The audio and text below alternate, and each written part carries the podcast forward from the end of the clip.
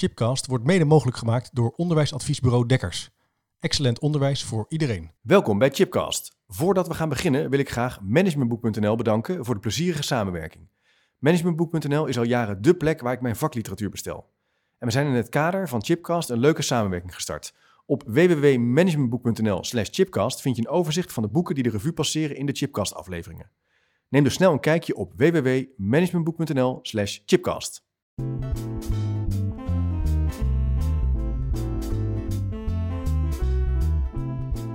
Welkom bij Chipcast, waar ik op zoek ga naar ongewone antwoorden en nieuwe perspectieven op vragen die mij bezighouden.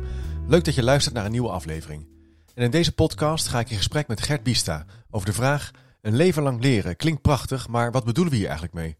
Gert Bista is momenteel Professor of Public Education aan de Universiteit van Ireland in Maynooth en bekleedt een vergelijkbare leerstoel aan de Universiteit van Edinburgh. Hij reist de hele wereld over en geeft les over onderwijs. Ik beperk me even tot de hoofdzaken. Hij was hiervoor ook in Nederland actief. Tussen 2016 en 2020 bekleedde hij de Nivels leerstoel voor de pedagogische dimensies van onderwijs, opleiding en vorming aan de Universiteit voor Humanistiek. Van 2015 tot 2018 was hij geassocieerd lid van de Onderwijsraad en sinds 2020 is hij lid van de Wetenschappelijke Curriculumcommissie. Zijn werk verscheen tot nu toe in 20 verschillende talen. Boeken die hij schreef zijn onder andere Het prachtige risico van onderwijs en De terugkeer van lesgeven. Op de website chipcast.nl zal ik wat linkjes plaatsen van de boeken die de moeite waard zijn om te lezen. We gaan het dus hebben over een leven lang leren. En de vragen die we bespreken zijn onder andere welke verantwoordelijkheid heeft een overheid om een volwassene de kans te bieden om zich te blijven ontwikkelen en te professionaliseren. En als dat leren nou zo belangrijk is, zien we dat dan als een recht voor mensen of als een plicht? En wat betekent dat nou eigenlijk, dat leven lang leren in een marktgerichte maatschappij? Dat wil zeggen een samenleving waar de economie heel erg belangrijk is. Is het dan een leven lang leren in termen van economische groei? Of gaat het ook nog over andere dingen als ontplooiing, onderzoek en reflectie? Bij bovenstaande thema's is het wel noodzakelijk om te verkennen wat dat nou eigenlijk is, dat leven lang leren. Hoe vullen we het in? Hoe ook niet? Hoe kan je het bestuderen? En welke interventies zijn er belangrijk als samenleving om ja, dat concept te organiseren, te stimuleren en eigenlijk handen en voeten te geven? Ik hoop dat je het leuk vindt uh, om naar deze podcast met Gert Biesta te luisteren. En op het eind kom ik nog even bij terug. Welkom in de uitzending. Ontzettend leuk uh, dat, je er, uh, dat we elkaar kunnen ontmoeten in deze bijzondere tijden. Mm -hmm. Jij vanuit Schotland en ik vanuit Nederland.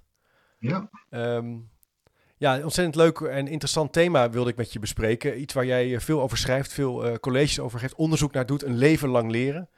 Ja. Uh, het idee van ja, je hele leven je professionaliseren, ehm, beter worden in je vak of leren in zijn algemeenheid. En nou merk ik wel om mij heen dat dat natuurlijk ook wel vragen oproept. Ehm, van Ja. Bijvoorbeeld, ja, wat is nou eigenlijk een leven lang leren? Wat bedoelen we daar nou eigenlijk mee? En is dat nou iets anders dan onderwijs of naar, een, naar school gaan? Ja. Ehm, en het leek mij eh, heel interessant om daar met jou over van gedachten te wisselen. Mhm. Eh, en misschien kunnen we dat doen door eens in zijn algemeenheid af te trappen bij dat concept van een leven lang leren. Wat, wat jij denkt wat we daarmee bedoelen of hoe jij dat ziet. Ja. Ehm, ja, en het is inderdaad wel, eh, wel grappig dat we dit thema hebben, omdat ik, eh, nou, ik denk dat we daar nog wel op terugkomen, ik me nogal kritisch uit heb gelaten over de, de taal van het leren. Ja. Ehm, waarvan ik denk dat dat echt een, eh, ja, een, een verarming is van de discussie rondom het onderwijs. Dus daar, ik ben er zeker van dat we dat nog kunnen oppakken. Tegelijkertijd kun je zeggen, dat idee van leven lang leren, dat circuleert op heel veel plekken. Dus het is in ieder geval populair. Ehm, en als het door een reclamebureau was uitgevonden, dan hadden ze daar ook goed voor betaald mogen worden, want het, het bekt ook goed. Leven lang Ja. leren, lifelong learning. Ehm, maar wat we ermee bedoelen, ja, daar zit voor mij direct een, eh, een discussie. Dus daar stap ik maar even in en dan kun je altijd weer eh, een stapje terug doen. Ja, ja, Uh, voor mij komt het idee van een leven lang leren komt uit een, een andere geschiedenis. ehm, die in het Frans wel als, eh, wat is het, education permanente eh, werd aangeduid. Ehm, en in het, in het Engels, als je kijkt naar oudere discussies uit de jaren twintig, gaat het om lifelong education. Ehm, en het is dus interessant dat die term education, dat die op een gegeven moment vervangen is door leren. Ja. Ehm, want als ik weer naar de geschiedenis van die discussie kijk, dan kun je zeggen, ja, er is een hele ontwikkeling waarin we als samenleving hebben geprobeerd om meer tijd vrij te maken voor kinderen en jongeren om onderwijs te genieten. De, de leerplicht die in de loop der tijd uh, omhoog gaat en aan leerplicht. Plicht klinkt, klinkt altijd wat uh, negatief, maar er zit natuurlijk ook het, het, recht op onderwijs aan wat daarmee wordt uh, beschermd. En daar zit iets positiefs. Ja, ja. Um, en dan is er lang het idee van, nou, als, als kinderen naar school zijn geweest, dan zijn ze klaar. Um, maar een, uh, ja, een heleboel volwassenen die hebben weinig kans gehad op, op school.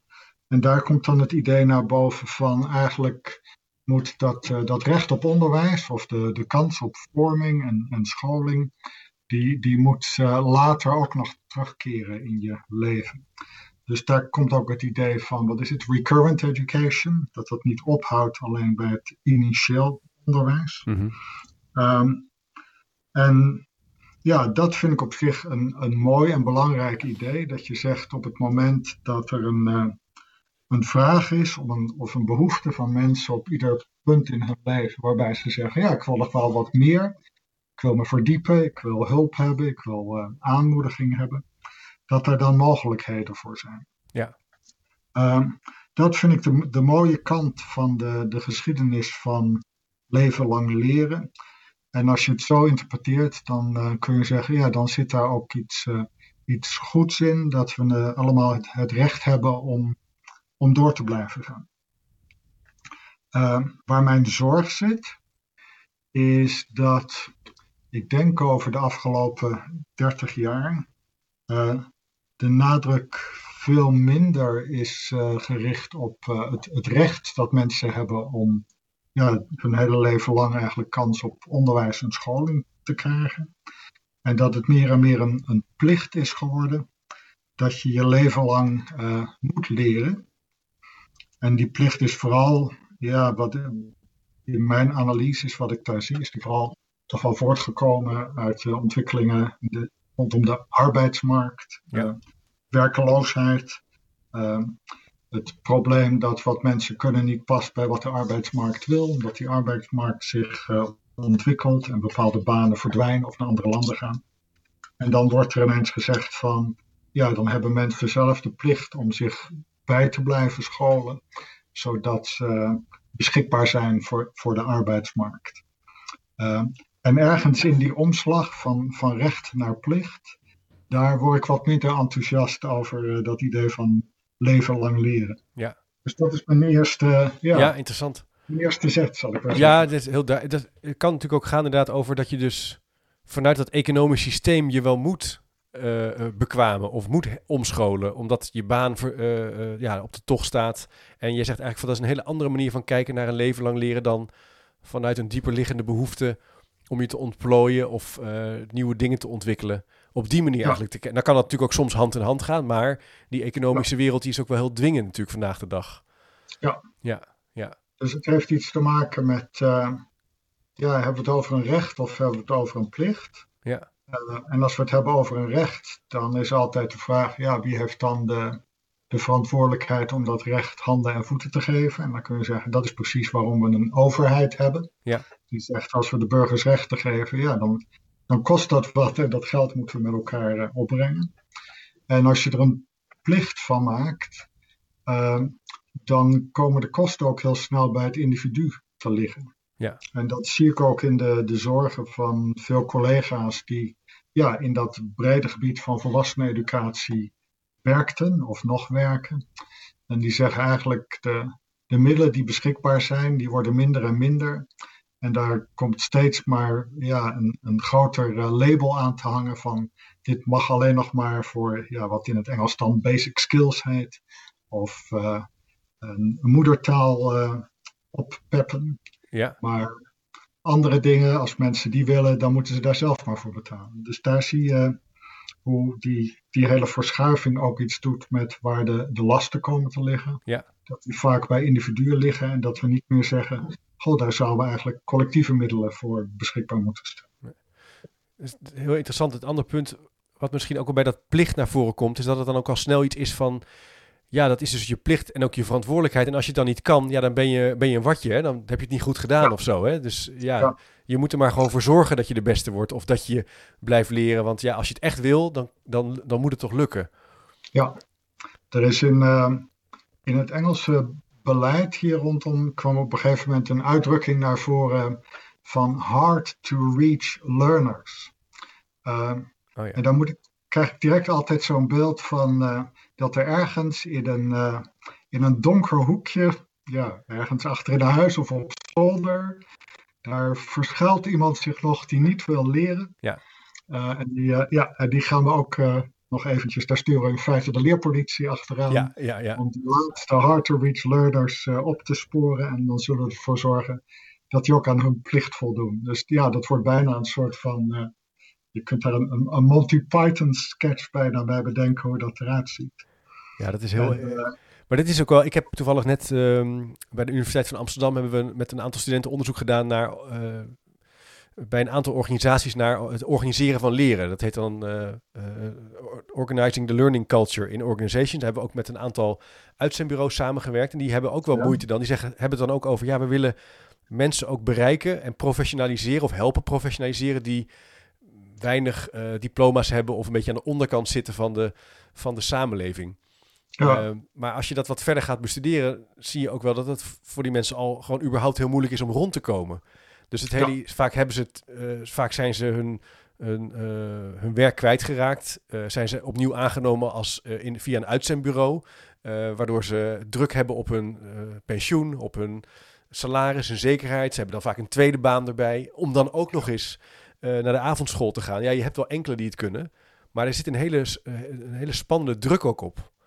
ja. En dat is natuurlijk wel eh, ingewikkeld.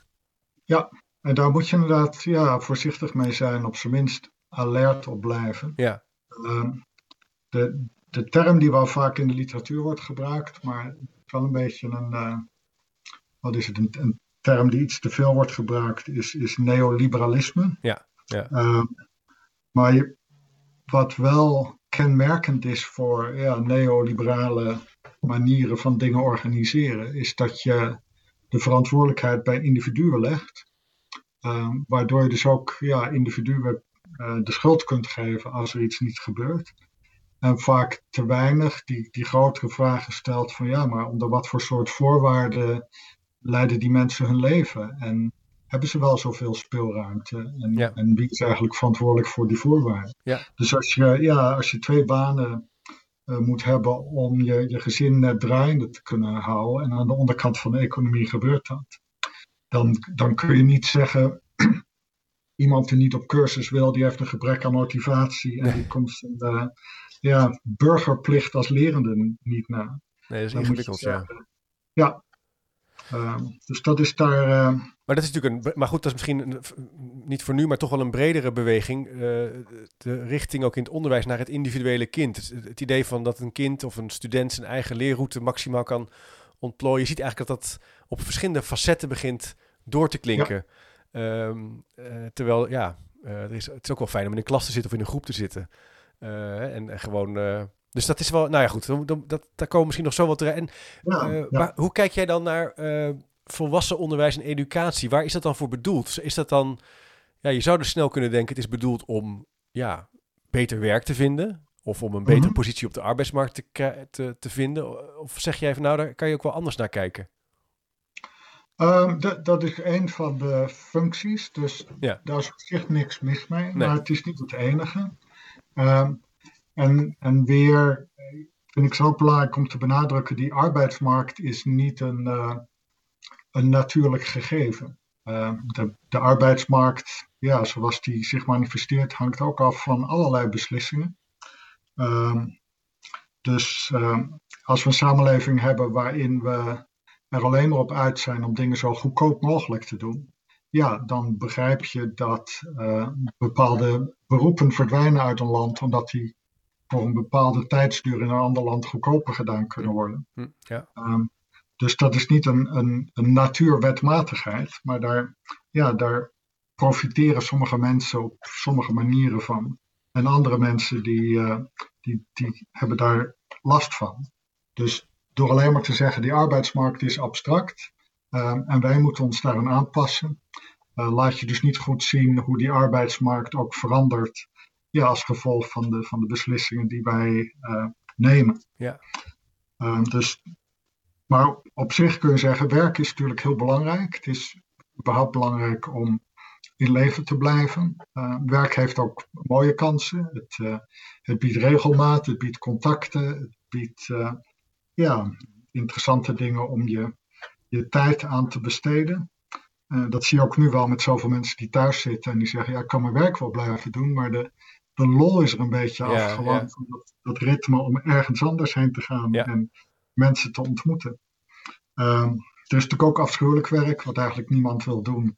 Ja, dus dat, dat komt dan bij de mensen die, die echt helemaal geen keus hebben. Dus het economische argument rondom uh, levenslang leren, permanente educatie, is, is een prima uh, dimensie daarvan.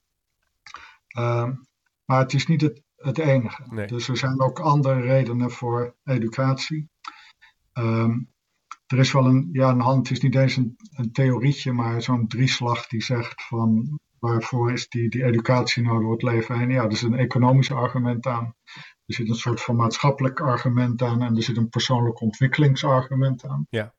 Uh, en ook die persoonlijke ontwikkeling, hoe we dat dan precies opvatten, is ook belangrijk. Dat je de kans hebt om ja, je eens in, in andere dingen te verdiepen en te kijken of daar iets, uh, iets ligt wat, wat waardevol of interessant of, of leuk voor je is.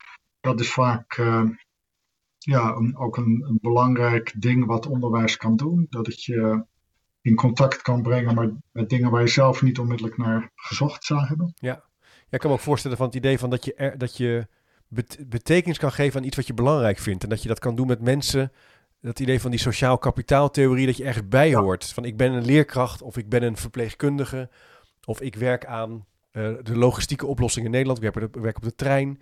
Dat is ook natuurlijk een idee van uh, ja. uh, een identiteit die je aan ontleent. En, iets ja. wat je, en hopelijk wat je de moeite waard vindt. Het kan niet altijd zo zijn, maar dat zou natuurlijk wel mooi zijn. Dat is heel mooi als werk inderdaad. Ja, hoe, hoe zeg je dat in het Nederlands? Zeker vervulling geeft. Vervulling, je ja. Doet, ja, het is niet puur een ruil tussen uh, arbeidskracht en inkomen, nee. maar het is, het is mooi als je daar ook wat van jezelf in kwijt kunt. Uh, maar je kunt dus zeggen, die, ja, die kansen op educatie door je hele leven heen, die zijn niet puur functioneel voor werkgelegenheid en je beschikbaarheid op de arbeidsmarkt. Hm. Daar zit ook echt die, die persoonlijke kant aan, die betekenisgevende kant, zingevingskant, dingen ontdekken. En ik denk dat er ook een, een sociale kant aan zit. Uh, je kunt zeggen, de, de school brengt ook mensen bij elkaar die elkaar misschien niet ontmoet zouden hebben als ze alleen maar in hun buurt blijven hangen of alleen maar ja, hun eigen belangstelling volgen. Ja. Uh, dus iets, het, het, doet ook iets misschien met, ja, hoe zullen we dat noemen, de, de kwaliteit van het maatschappelijke middenveld. Ja. Uh, daar, uh, ook weer met alle zorgen rondom segregatie in scholen kun je zeggen, ja, school en onderwijs heeft toch de potentie om, om mensen op andere noemers bij elkaar te brengen. Ja. Ik, ik zit heel concreet te denken, maar ik weet niet eens meer of dat nog bestaat in Nederland, aan de, de, de volkshogescholen en de volksuniversiteiten. Ja. Die, uh, ja, die allerlei cursussen organiseerden.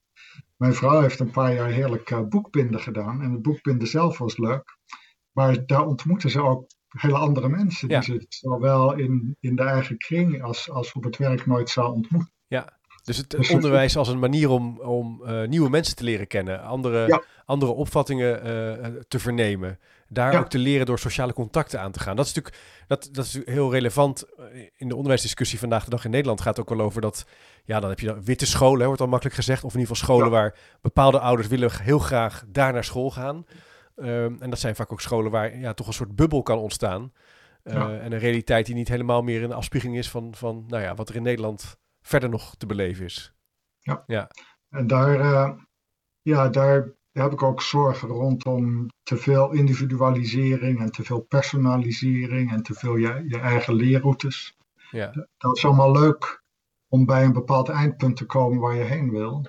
Maar het vergeet dat het, uh, de weg daar naartoe zelf net zo belangrijk kan zijn. Ja. Als je alleen maar denkt hoe sneller, hoe beter, ja, dan ben je alleen in jezelf geïnteresseerd eigenlijk. Ja, dus dat is het idee van onderwijs als recht van, recht van de sterkste. Ja. Dus ik, ik, moet gewoon hier een hele hoge CITO halen en dan ga ik wel naar, uh, naar bijles als het er niet in zit. Of ja. uh, ik moet in één jaar mijn propenduizen halen. Dus ik zet alles op alles. Terwijl misschien het ook heel leerzaam kan zijn om dat dus echt te ervaren dat het dus niet lukt. Of dat je dus, nou ja, ja. En ja. Dat, ja, ja, ja. En dat, uh, ja, dus, dat is nooit zwart-wit. Dus dit zijn ook allemaal ja. uh, reële ambities. Dat, dat is het niet. Maar als je dan vervolgens zegt, nou eigenlijk hebben we dus de school niet meer nodig. Want we kunnen dat veel handiger online doen. Of uh, ja, er zijn van die schrikbeelden van mensen die zeggen, nou als we nog iets meer uh, hersenonderzoek doen, dan weten we waar we de hersenen moeten prikkelen. Dus ja. dan zet je gewoon een uh, kap op je hoofd en dan komt het allemaal wel goed. Ja, daar maak je het, het, hele educatieve proces zeer individueel mee. En voor individuele doelen is dat prima. Maar je, je vergeet dat we ons leven in een, in wereld te leiden hebben met andere mensen. Die niet alleen uh, ja. hindernis daarin zijn. Ja. Nee, ik denk, en misschien wat er nu in, de, in het coronatijdperk gebeurt, wat, ik heel, wat hoor je heel veel ook op het jeugdjournaal, wat ik met mijn kinderen kijk, maar ook bij mijn mm-hmm. kinderen zelf. Kinderen willen heel graag naar school. Ja. Uh, ze willen graag naar dat schoolplein toe. Uh, ze willen graag in die klas zitten. Het hoeft allemaal niet heel efficiënt en effectief te gaan. Ze willen gewoon met vriendjes zijn, vriendinnetjes in die klas zitten. Uh, ja, het is een veilige plek, maar het is natuurlijk ook een leuke plek waar je ja. nou ja, van alles leert over het leven, met elkaar kan spelen en leren. Uh, ja, en dat er wat huiswerk moet worden gedaan thuis. Nou goed, de rek raakte wel uit op een gegeven moment qua dat online Ja. leren. Ja. Ja. Hey, en ehm, eh, wat ik nog wel interessant vind, deze discussie, daar hebben we het net even in iets eerder gedeeld ook over, gaat ook al over hoe langzaam de taal is veranderd van, van hoe we kijken naar leren en hoe we kijken naar ehm, eh, ja, leven in een samenleving, hè, dat marktdenken. En ik zag eh, een film, film van jou van een presentatie die je gaf, waarin jij een voorbeeld gaf van Apple. En hoe Apple eigenlijk een bepaalde behoefte, uh, dus niet meer zo je een, een, behoefte heeft gecreëerd in plaats van een product aan je verkoopt. Een Ja. oneindige behoefte van nieuw, nieuw, nieuw. En dat marktdenken is eigenlijk daardoor als het ware doorgecijpeld in ons onderwijssysteem. Ja. Zie jij dat dat marktdenken ook in taal ook terugkomt in hoe we kijken naar onderwijs? Of, of zeg je dat nou, het valt wel mee? Um, nou, ja, dat, dat zie ik wel. Ik, ik hou van uh, taal. Ja. Um, en dus ook puzzelen op taal. Ja, sommige mensen houden daar niet van, maar uh, ook die hebben weer andere, andere krachten. Um, dus ik zie dat, uh, ja, dat, dat marktdenken ook wel in, uh, in de hele taal rondom het onderwijs. Dus de taal van het leren zou je kunnen zeggen. Of, of ja, in Nederland hebben we dan dat woord leerling, wat nog een, een interessant woord is. In het Engels is het woord learner opgekomen. Ja. Uh, er wordt er heel veel gesproken over, ja, onderwijs moet vooral de, de, de learner of de leerling centraal stellen en moet gericht zijn op leren en het faciliteren van leren. Um, daar zijn allemaal goede redenen voor, maar het begint het onderwijsproces dus heel erg te denken vanuit ja, het kind of de student die iets van de wereld binnen wil halen. Ja. Um, en dat is deels wat we doen. Uh, maar het, het, risico daarin is dat je inderdaad een, uh, uh, ja, de, de, leerling tot consument maakt en de wereld tot een winkel maakt. Uh, en dat je zegt, ja, wat is onderwijs? Nou, dat is dat je als consument zoveel mogelijk van die wereld binnenhaalt. Zoveel mogelijk leert over de wereld, zoveel mogelijk vaardigheden. Um, en wat daarin in wordt vergeten is, ik zou zeggen, de, de hele andere beweging. Niet wat jij van de wereld wil, maar wat de wereld van jou wil of wat de wereld jou te bieden heeft, uh, of jou wil geven, terwijl je daar helemaal niet naar op zoek was. Um, en dat is de kant van, ja, wat je in het Nederlands het, lesgeven kunt noemen. Uh, daar zit het woord geven in, dat vind ik al mooi. Of onderwijzen, en daar zit het woord uh, wijzen in. Ja. in het Engels het woord teaching, wat teruggaat op een teken of een, een sign ergens van. Um, en ik denk dat uh, ja, ook in de taal, maar ook in het denken over onderwijs, dat we eigenlijk die kant, die hele beweging, dat we die aan het veronachtzamen zijn. Door te veel op dat leren te zitten. En die taal van het leren blijft erin ook wat ja, misleidend en armoedig, denk ik. Ja, hij, hij, dring, hij, hij, zijpelt ook door in hoe we kijken naar onderwijs. Dat zie je ook in de lesboeken, bijvoorbeeld in het basisschool, maar ook wel in middelbare school. Dat kinderen ook uh, leer, zeg maar, theoretische woorden over leren gebruiken. Bijvoorbeeld reflectie uh, is iets waar mijn kinderen al mee in aanraking komen. En ja. nou vind ik het, ik vind het al heel moeilijk om te reflecteren, maar ik merk ook dat kinderen, ja, het woord alleen al. Ze, ze hebben wel de neiging om dat dan te verpakken in wat leukere woorden. Leerkuil is nu heel erg in de mode. Dat je dus de, je moet je leerkuil in als het moeilijk is. En, en dan zegt mijn zoon van uh, acht, ik wil helemaal niet in mijn leerkuil. Dus als iets zo geestig. Maar, dus het zijn allemaal woorden, brein leren. Um, ja. Uh, en jij zegt eigenlijk, maar ik had er nog niet zo naar gekeken. Jij zegt dat doet dus ook iets hoe we het tweerichtingsverkeer naar wat je moet nemen, maar ook wat je kan krijgen. Uh, ja. Lesgeven en ja. onderwijzen, leerkracht. Dat is dus meer overdragen. Uh, wat je, wat je ja. vasthouden vanuit de geschiedenis, culturele vaardigheden, kennis. Ja. Ja, ja, precies. Ja. Uh, dus ja, ik, ik zeg wel eens, en dat gaat altijd een beetje te snel, van ja, als je wil leren heb je de school niet nodig, want je kunt overal leren. Uh, en we kunnen zeggen, nu in veel gevallen is dat nog veel makkelijker dan vroeger. Ja, vroeger moest je naar een bibliotheek. Of nog vroeger ja. Uh, ja, moest je de, de tijd ervoor hebben. Dus de, in de tijd van de kinderarbeid was natuurlijk helemaal geen kans om te leren, want je kwam back af thuis en na een korte nacht moest je alweer terug. Maar als die tijd er eenmaal komt, dan kun je zeggen, ja, iedereen kan leren en uh, met alle informatie die er is, heb je voor het leren heb je de school niet nodig. Uh, maar het nadeel is dat ja, alles wat we zo in de, zullen we het zeggen, de vrije natuur kunnen leren, uh, dat is niet neutraal. Nee. Um, daar is niet altijd over nagedacht. Dat is ook de hele zorg rondom al die algoritmen die op de achtergrond in Google en YouTube ja. en, en, dat soort programma's uh, spelen. Dat probleem dat als je eenmaal één stap in een bepaalde richting zet, dan word je met meer en meer gevoed. Ja. Dat ja. dat als het ware versterkt. En dan kun je zeggen, ja, waarvoor hebben we de school nodig?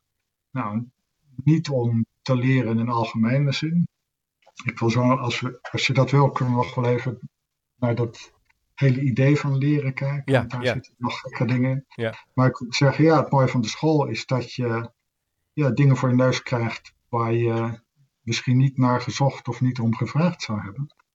Allereerst omdat je misschien helemaal niet wist dat je ernaar kon zoeken of om kon vragen dat blijft voor mij een belang, heel belangrijke taak van de school. Ja, maar dat is natuurlijk wel spannend, want je hebt ja. nu ook allerlei ICT-bedrijven die zeggen, nou wij kunnen dus uh, leerlingen of uh, het leren volgen, monitoren, en dan zien wij vanzelf waar welke som of welke opdracht minder goed wordt gemaakt. En ja. dan krijg je hè, adaptief na de 30 sommen en dan krijgen wij, dan gaan we jou meer sommen geven die jij moeilijk vindt. Ja. En dat is slim, hè, zeggen ze. Propositie van, dat is dus heel slim. Terwijl ja. eigenlijk, ik heb daar nog niet zo naar gekeken. Je zegt, ja, je komt dus ook in een klas, in een school, andere dingen tegen. Uh, ja. Bedacht door de leerkracht, door de expert, die dat gaat overdragen. En um, dat is, ja, leren kan je overal, maar dat is weer wat anders natuurlijk, inderdaad. Ja. ja. ja. ja dus van die systemen die dat precies, als het ware, ja, adaptief is, is, het, is het woord, um, die dat adaptief doen, um, daar kun je van zeggen, die zijn heel effectief om een kind tot een succesvolle sommenmaker te maken. Ja. Maar die vergeten eigenlijk één ding. En dan, ja, ik kom even terug op dat woord uh, adaptief. Ja. Want er is heel veel denken ook ja, rondom, wat is het, 21ste eeuwse vaardigheden en zo. Die, ja. die ook zeggen van, ja, dat zijn vaardigheden waardoor je adaptiever wordt. Waardoor ja. je dus beter kunt reageren op veranderende ontwikkelingen en dus niet dan met lege handen staan. Um, en uh, nogmaals, ik kan van veel dingen de redelijkheid inzien, dus ik, ik, ik benadruk ook altijd, ja, er, er, is een plek voor dat argument, maar er zit ook een enorme blinde vlek in. Um, want als mensen gaat het er niet alleen maar om dat we de vaardigheid hebben om ons aan te kunnen passen in veranderende omstandigheden, maar voor ons mensen ligt er ook altijd de vraag of een bepaalde situatie het, het waard is om in mee te gaan.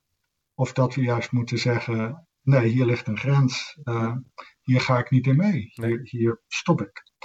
En uh, die kant, wat voor mij echt naar het hart van ja, het educatieve of het pedagogische gaat, die kant verdwijnt helemaal met van die adaptieve systemen die zeggen wij kunnen nog meer gefine-tuned op dit individuele kind, kunnen we dat kind tot een goede sommemaker maken. Ja. Maar sommen maken is niet neutraal. Ik, uh, ja, ik heb in wat recent werk heb ik, uh, schrijf ik onder andere over uh, Adolf Eichmann. Ja.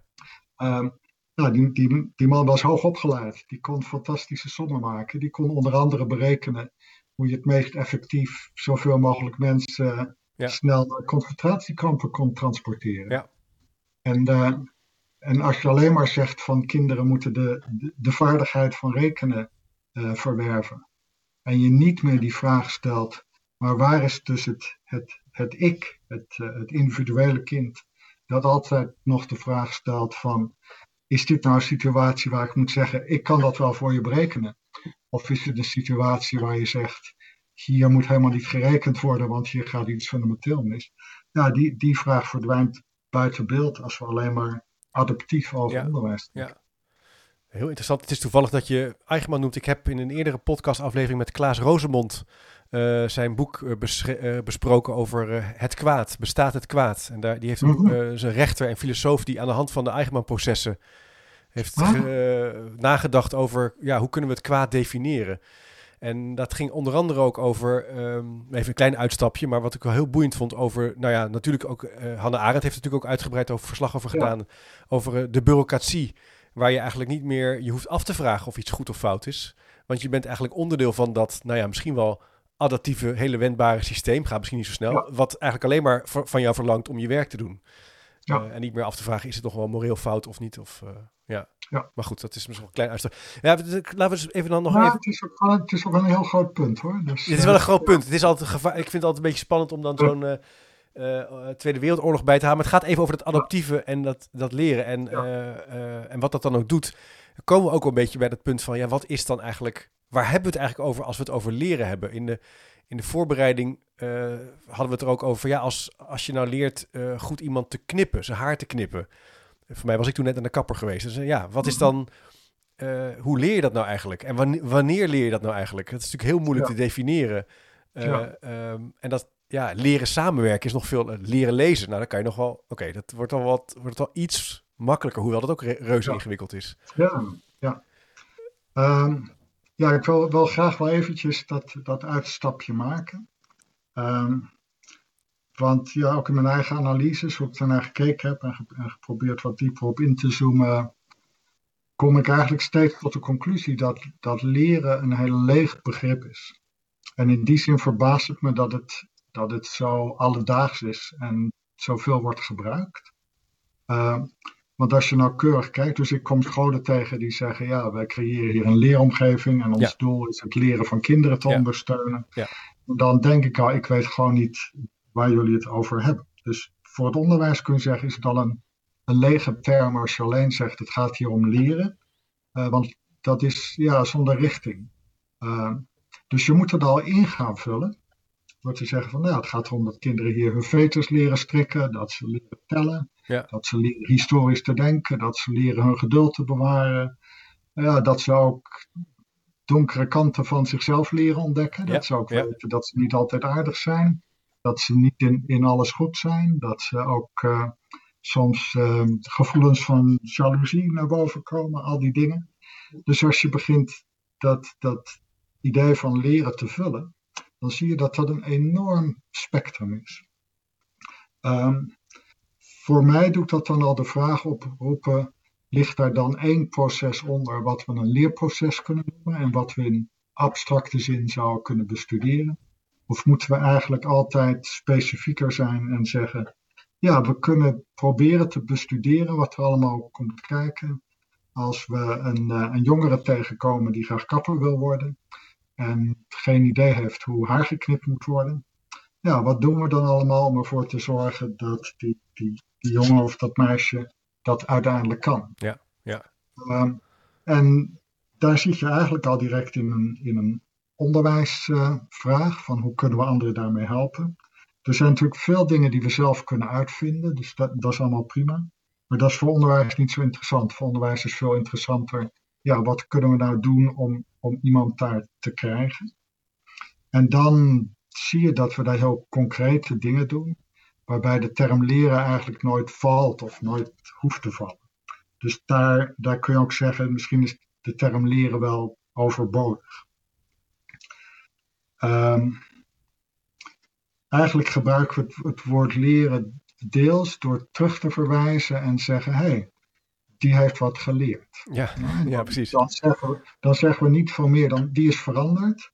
En we zien daar uh, tekenen van.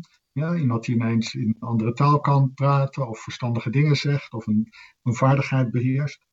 En dan zeggen we die verandering, ja, daar vinden we wat van. En zeggen, oh, daar heeft iemand iets geleerd. Ja. Um, dat, ik heb wel eens geconcludeerd dat dat laat zien dat leren eigenlijk geen zelfstandig naamwoord is. Het verwijst niet naar iets, maar het is een oordelende term. Dus we gebruiken het woord leren als we een oordeel geven over verandering, naar verandering uh, wijzen. Het, het andere gekke is dat als we zelf midden in een proces zitten, dan weten we nooit of we daar iets van gaan leren.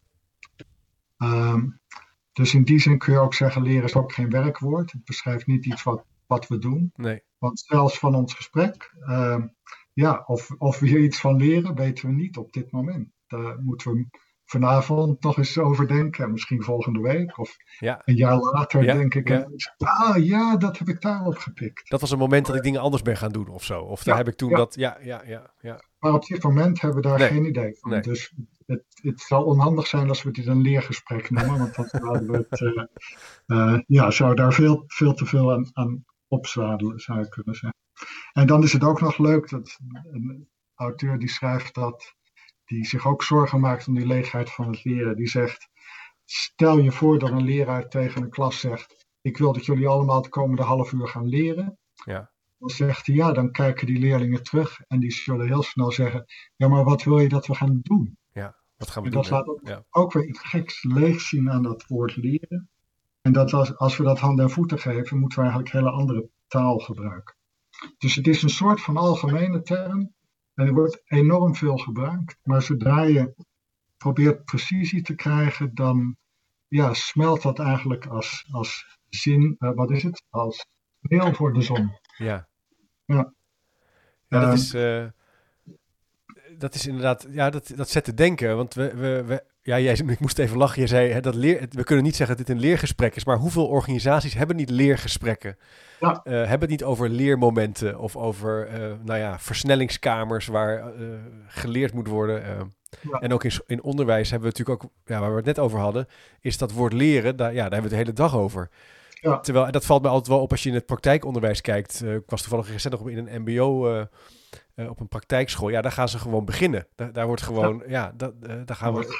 Ja, er wordt gewerkt. We gaan die stoel repareren, want die is kapot. Nou, en dan zo'n zo'n zo'n meester begint dan. En dan lopen, lopen die jongens en meisjes mee. En na verloop van tijd draagt hij dat over. En nou ja, da- da- daar wordt niet gepraat over de... Nou ja, soms helaas wel over de leerdoelen. Maar gewoon beginnen aan het werk is natuurlijk een heel belangrijk uitgangspunt. Ehm, en, da- en dat is ook dan wel de zorg als die taal ook bij leerlingen binnenslaapt. Die zeggen van, oh ja, ik moet mijn eigen leerdoelen gaan formuleren en noem maar op. Ja. Ehm, dat, dat gaat eigenlijk, ja, ik zou zeggen, nergens meer over. Ja. Ehm, Maar waar komt En het dan vandaan? Sorry Gert, maar ik zit even... De, ja, ik, dan wil ik nog even vra- vragen, want dit triggert me ook enorm. Eh, ik sprak toevallig gisteren nog iemand over online leren. Die zegt, ja, je moet altijd wel de leerdoelen in het begin eh, v- verwoorden naar je klas. Dat is heel belangrijk, leerdoelen. Eh, ehm, eh, dus blijkbaar is, er het heel, is het een diepe overtuiging in, in, in ons onderwijssysteem... dat we van tevoren moeten gaan zeggen wat de kinderen gaan meemaken en wat ze gaan leren. Ja. Ik merk het ook Ja. in mijn opleiding waar ik voor masterprogramma les geef. Dan moet ik ook in een soort document aangeven wat zijn de leerdoelen. ja. Ja, Ehm,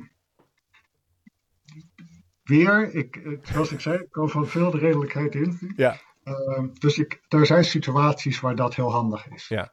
Dat je zegt van, hé, we, hebben, we hebben niet zoveel tijd met elkaar. Ehm, in die beperkte tijd willen we wel een aantal dingen doen. Laten we proberen helder te krijgen waar we met elkaar naartoe proberen te werken. ja precies. precies. Ja. Dat kun, je al, dat kun je al formuleren op een manier waar dat woord leren niet niet nodig hebt. Maar het is natuurlijk een, uh, ja, hoe zal ik het zeggen? Uh, hoe zal ik het netjes zeggen? Het is natuurlijk een groot schandaal om te denken dat dat in al het onderwijs nodig zou moeten zijn. Hm. Um, en dat het ook kan. Ja. Stel eens voor, als wij dit gesprek waren begonnen met te zeggen, dat jij tegen mij zou zeggen: Ik ga al wel even formuleren waar we over 60 minuten uit moeten komen. ja, dan hebben we geen gesprek meer. Nee. Um, dus dat heb ik ook met mijn studenten. Dat ik, uh, ja, ik ben daar licht allergisch voor. En dat, ik ben vooral allergisch omdat ik zoveel mensen. Ja, als ik heel veel mensen naar links zie lopen, dan word ik altijd nieuwsgierig wat er rechts te vinden is. Ja. Dus als iedereen maar zegt, we moeten leerdoelen formuleren, dan zeg ik, nou, ik, ik geef mijn onderwijs zonder leerdoelen. Uh, gewoon om, om, te zien wat daar nou nodig is.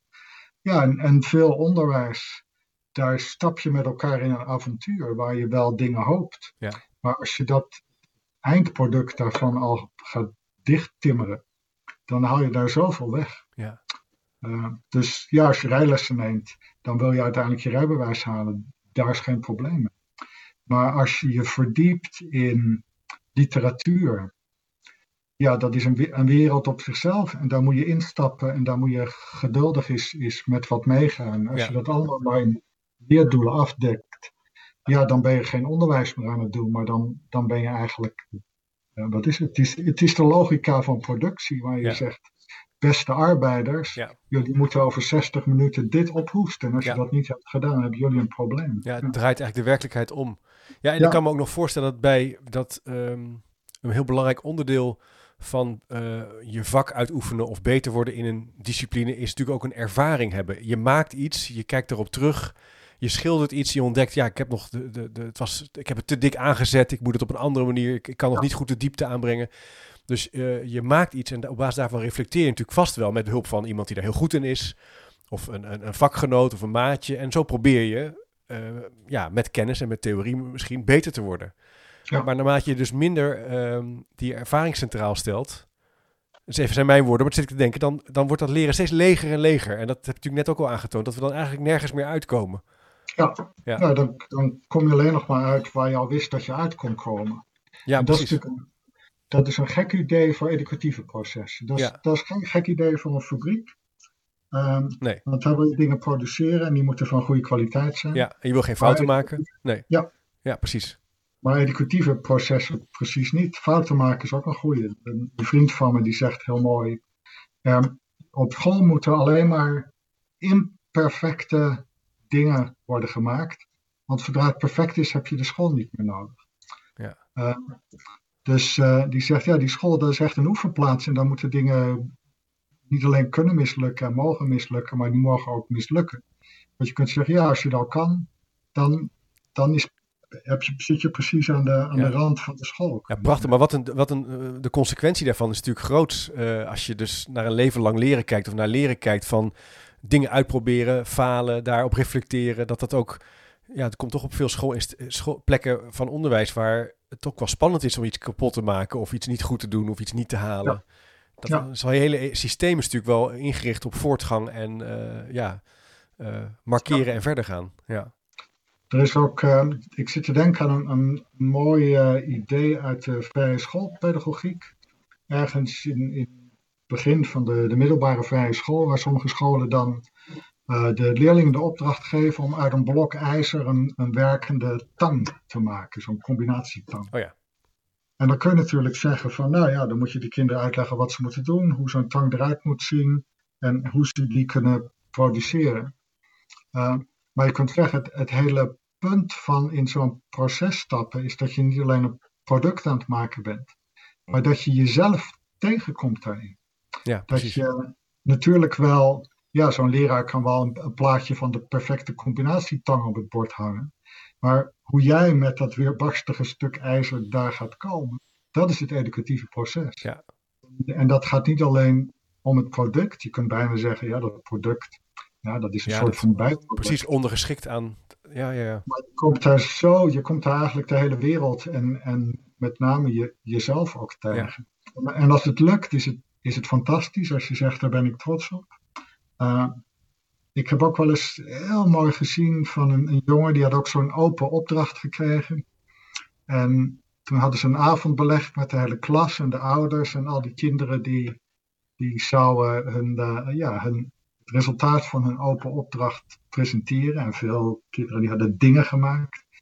En die jongen die gaat daar voor de klas staan en die zegt, uh, I'm a failure. Want ik had een plan en het is me niet gelukt. Hm. Uh, en dat vond ik zo bijzonder. Dat, ja. dat iemand niet alleen dat tegen durft te komen, maar dat ook in het publiek durft uh, ja, te erkennen. Ja, te zeggen, ja. hier ben ik als mens en niet alles van wat we willen en proberen lukt. Nee. En, en, door te zeggen, I'm a failure. Ja, ik dacht direct, nou dit is het, het prachtigste resultaat wat je, wat je hier kunt laten zien. Dat je dat tegenkomt en dat je dat een, een plek in je leven durft te geven. Dus dat is me ook altijd bijgebleven. Ja, het is een hele andere manier. Maar, maar kan je, ik zit, maar goed, ik krijg de neiging om helemaal door te gaan denken over ook het huidige tijdperk misschien. Maar nu, het gesprek maakt ook wel het belang, het toont ook het belang van onderwijs aan in deze tijd. Want in dat thuisonderwijs, ja, ik zie het in ieder geval bij mijn kinderen, maar ik zie het ook om me heen. Je gaat toch kijken naar wat, welk werk, welke werkjes moeten gedaan worden. Wanneer is het goed? Dat zijn toch met alle met alle liefde doen we dat. Maar ja, je probeert ook maar gewoon ervoor te zorgen. Ja, zoals bij ons dan, ja, 40 sommen op een dag, hè. Is dat een beetje de... Ja, ja en dan denk je, nou ja, want ja, ik, ik, kan niet, ik sta niet voor die klas en we hebben ons werk. En dus het belang van onderwijs wordt, wordt nog maar eens met alle kracht, uh, ja, ja, nog een keer gemaakt. Daar, ja. ja. daar vind ik ook die, die term die ik langs zie komen, dat dit leerachterstanden zou creëren. Ja. Ook weer zo'n handige term. Ja. Het creëert schoolachterstanden. Schoolachterstand. Het creëert achterstanden op een gepland curriculum. Ja, ja precies. Uh, en daar zit natuurlijk ongelijkheid in. Ja. Uh, dus de kinderen die de, de meest recente Apple laptop en een supersnelle glasfiber ja. uh, connectie hebben. Uh, en een eigen kamer en noem maar op. Ja, die hebben het vele malen makkelijker dan de schrijnende verhalen van gezinnen met zes kinderen die twee kamers hebben en ja. één computer met elkaar moeten delen. Dus dat, dat mogen we niet uh, ontkennen. Maar je kunt niet zomaar plat zeggen, dit creëert leerachterstanden. Nee. nee, het creëert iets anders in relatie tot een bepaalde structuur waarvan we denken dat iedereen daar Ja. ja. in hetzelfde tempo Ja. doorheen moet. Ja, precies. En daar kan je je wel zorgen om maken, maar het is wel belangrijk om dat ook wel goed te noemen. En niet zomaar... Ja. dat- ja precies. Ja. Ja, want het zijn natuurlijk kinderen die enorm veel leren van deze situatie.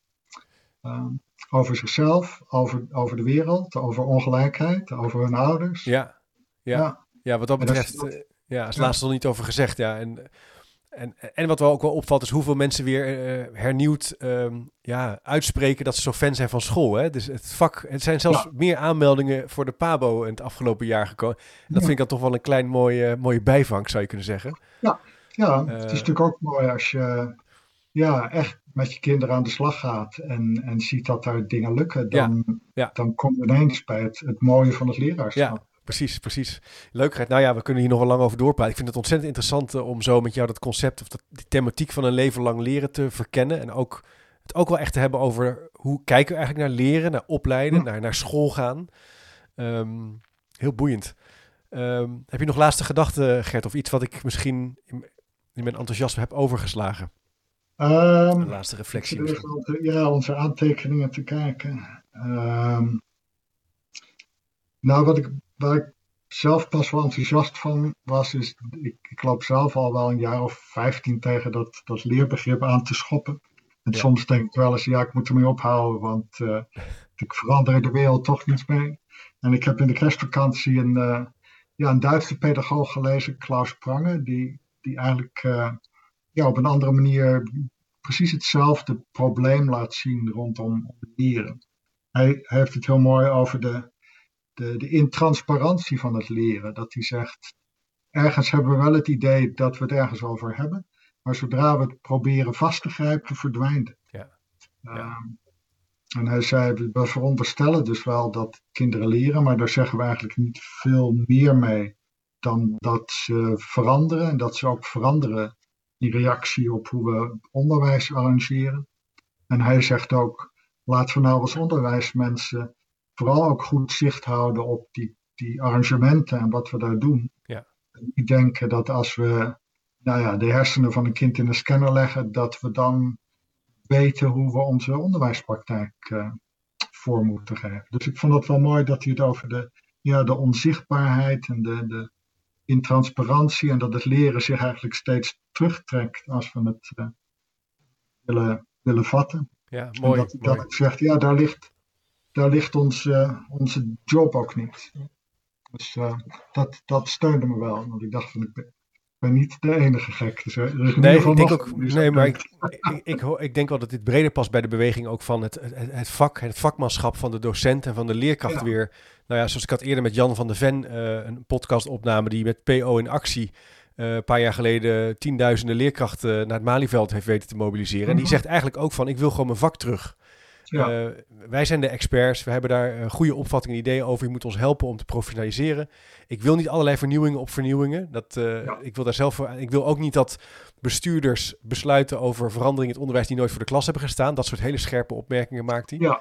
Maar ja, hij is, hij, het is een jonge, een jonge club mensen die een enorme beweging in gang hebben gezet met, met ja, vergelijkbare publicaties. Uh, nou ja, ja. Uh, die nu, dat, is, ja, dat ja. is mooi. Ja. De, de vraag is wel uh, of we elkaar kunnen helpen om ook scherp te houden wat dat vak dan precies ja, is. Ja, Daar ja.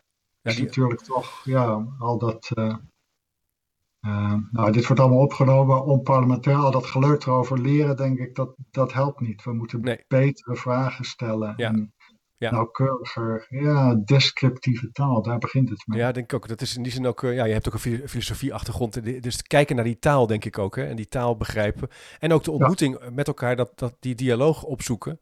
En dat verdiepte gesprek meer voeren. Want je ziet ook wel dat het in het onderwijs soms wel in uiterste zit. Hè?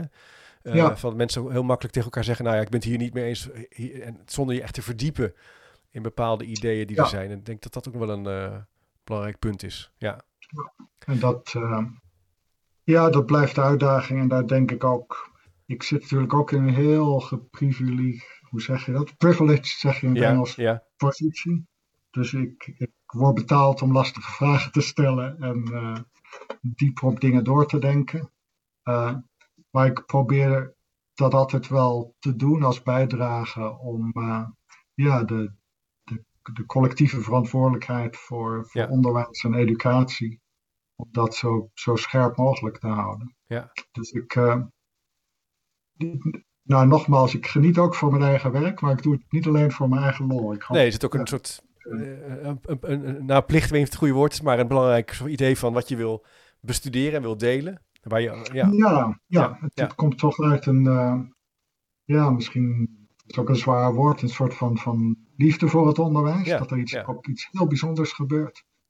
Eh, en dan de zorg dat met alles wat er maar rondom het onderwijs heen cirkelt, de aandacht steeds weer afgeleid Ja. wordt van het bijzondere. En te proberen dat bijzondere goed in het eh, brandpunt te houden. Daar, eh, ja, daarom doe ik al dat soort dingen, denk ik. heel leuk, Gert. Nou, het bijzondere in het brandpunt houden. Er zijn in ieder geval tal van mooie publicaties ook van jouw hand verschenen. Die zal ik ook even linken op de website. Eh, eh, nou, op YouTube ben je ook goed te vinden. Dus wat dat betreft, eh, als, Ja. als de luisteraars nu denken, hey, ik wil meer. Of ik heb een vraag. Kan je altijd via chipcast.nl een vraag stellen. Dan gaan we daar gewoon eens mee verder, verder op onderzoek. Dankjewel Gert voor je tijd. Ik vond het heel leuk om ja, met elkaar in gesprek te gaan over Ja. het idee van een leven lang leren. Graag gedaan, bedankt. Nou, dat was het alweer een gesprek met Gert Biesta over een leven lang leren. Een filosofische verkenning, een praktische verkenning over het concept van een leven lang leren en hoe dat eigenlijk vorm begint te krijgen in onze huidige samenleving. Ehm, interessant om hier en langs deze gedachten van Gert ook je oordeel over te vormen. Hoe kijk ik eigenlijk hiernaar?